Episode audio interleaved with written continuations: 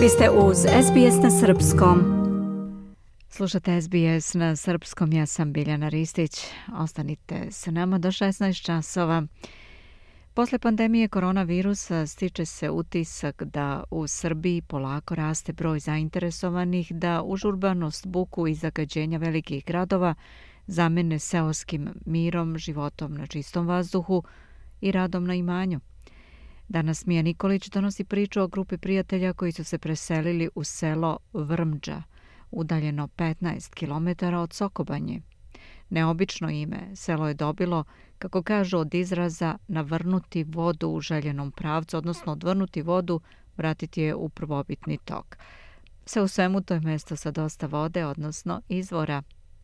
Kako seoski život opisuju oni koji su se za njega opredelili i koji su, iako rođeni i decenijama živeli u gradu, odlučili da napuste urbanu sredinu i puste koren u ruralnoj unutrašnjosti Srbije. Da čujemo tu priču. Sivilo solitera, otuđenost i zagađenost gradskog vazduha naveli su desetoro prijatelja da jednog dana sednu u kola i zapute se u istočnu Srbiju potrazi za novom oazom u prirodi gde će živeti i raditi. U podnožju planine Rtanj, nedaleko od Sokobanje, naišli su na Vrmđu, selo interesantnog imena i čistog vazduha koje leži na 40 izvora okruženo masivnim brojnim stenama i živopisnim proplancima. Zdrava i čista sredina u kojoj se isključiš od bilo kakvih informacija iz grada i budeš ovde u miru. A tu je Rtanj koji je s ove strane blag, plodonosan, čist, kaže Silvana Hadžić, rođena novosađanka koja sada živi u Vrmđi. Novi stanovnici su seosku svakodnevicu oplemenili novim idejama i zanimanjima od kojih koristi imaju i starosedeoci.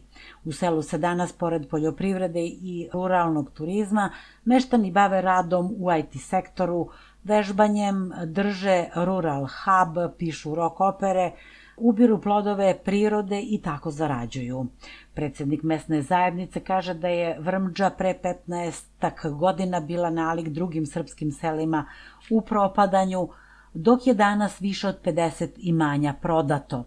Prirodne raznolikosti su 2008. i 2009. opredelile jedan broj Beograđana na preseljenje, a ovo selo i 10-15 godina kasnije u svoj atar privlači ljude iz različitih delova Srbije pa i sveta.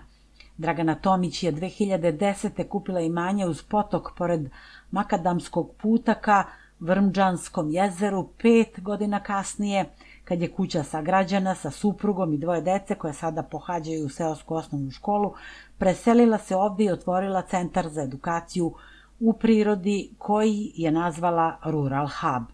Kaže da je vremenom uspela u zamisli da celo selo postane hub, što je omogućilo starosedeocima da turistima i posetiocima ponude domaće proizvode, ugostiteljske i razne druge usluge, suvenire, smeštaje i predmete od pruća, nakit od prirodnih plodova.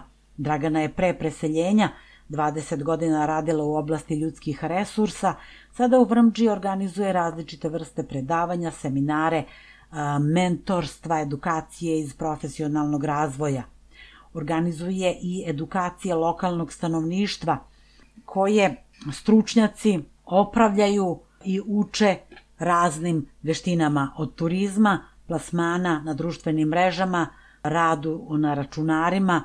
U Vrmđu se doselilo i nekoliko radnika iz IT sektora. U selo Šatra, kod Kuršumlije, doselio se nakon dugogodišnjeg života u rodnom Beogradu i Milan Vasiljević. Odlučujući trenutak za preseljenje bio je početak covid zatvaranje, izolacije, ograničenja naterali su ga da život promeni iz korena.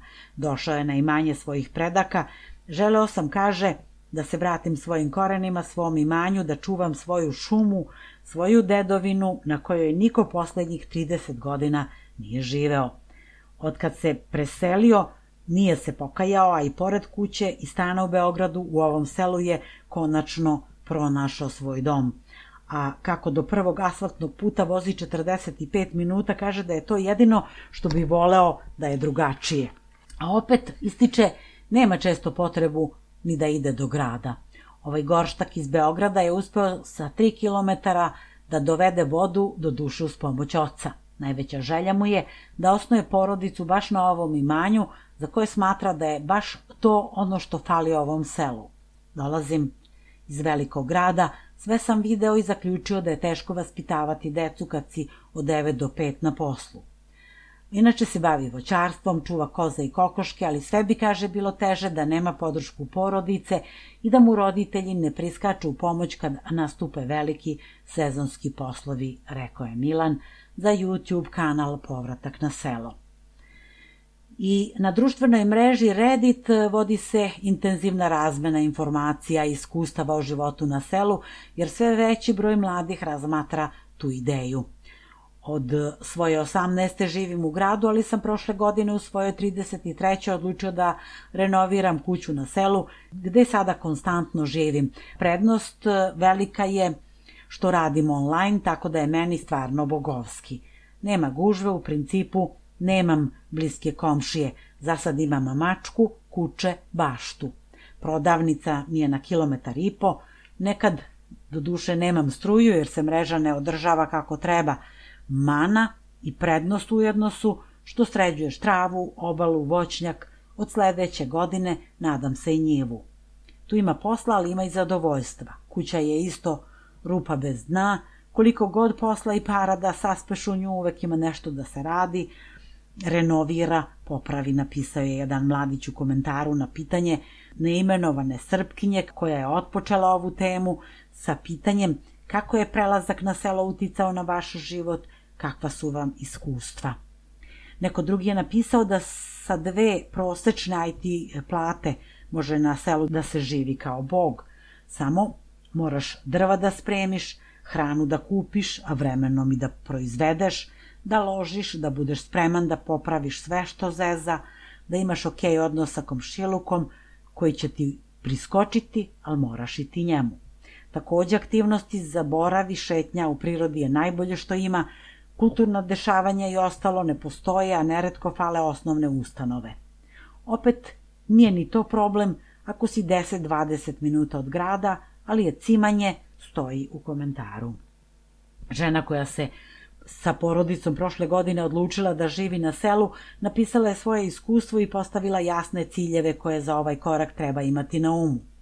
Bitno je kakvo je selo, jer se ona u Vojvodini i ona na Pešteru ne mogu porediti. Prvo, gde god da si trebaju ti kola i treba da znaš kakav je teren, treba li ti stabilan internet, kako ćeš sa strujnom mrežom koja je u dosta velikom delu zemlje na aparatima. Drugo, šta planiraš u životu, imaš li decu ili ih uskoro želiš, onda moraš da gledaš gde su ti najbliža ambulanta, škola, ima li dece u okolini, Ako si solo ili samo sa partnerom, idi gde hoćeš, budi brdski kralj ako niko ne zavisi od tebe.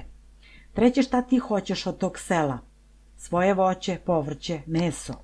Može lako, ali uz minimum 3 sata rada dnevno. Ako ne znaš ništa o tome, naučit ćeš. Ako hoćeš samo mir, tišinu i seosku idilu, batali.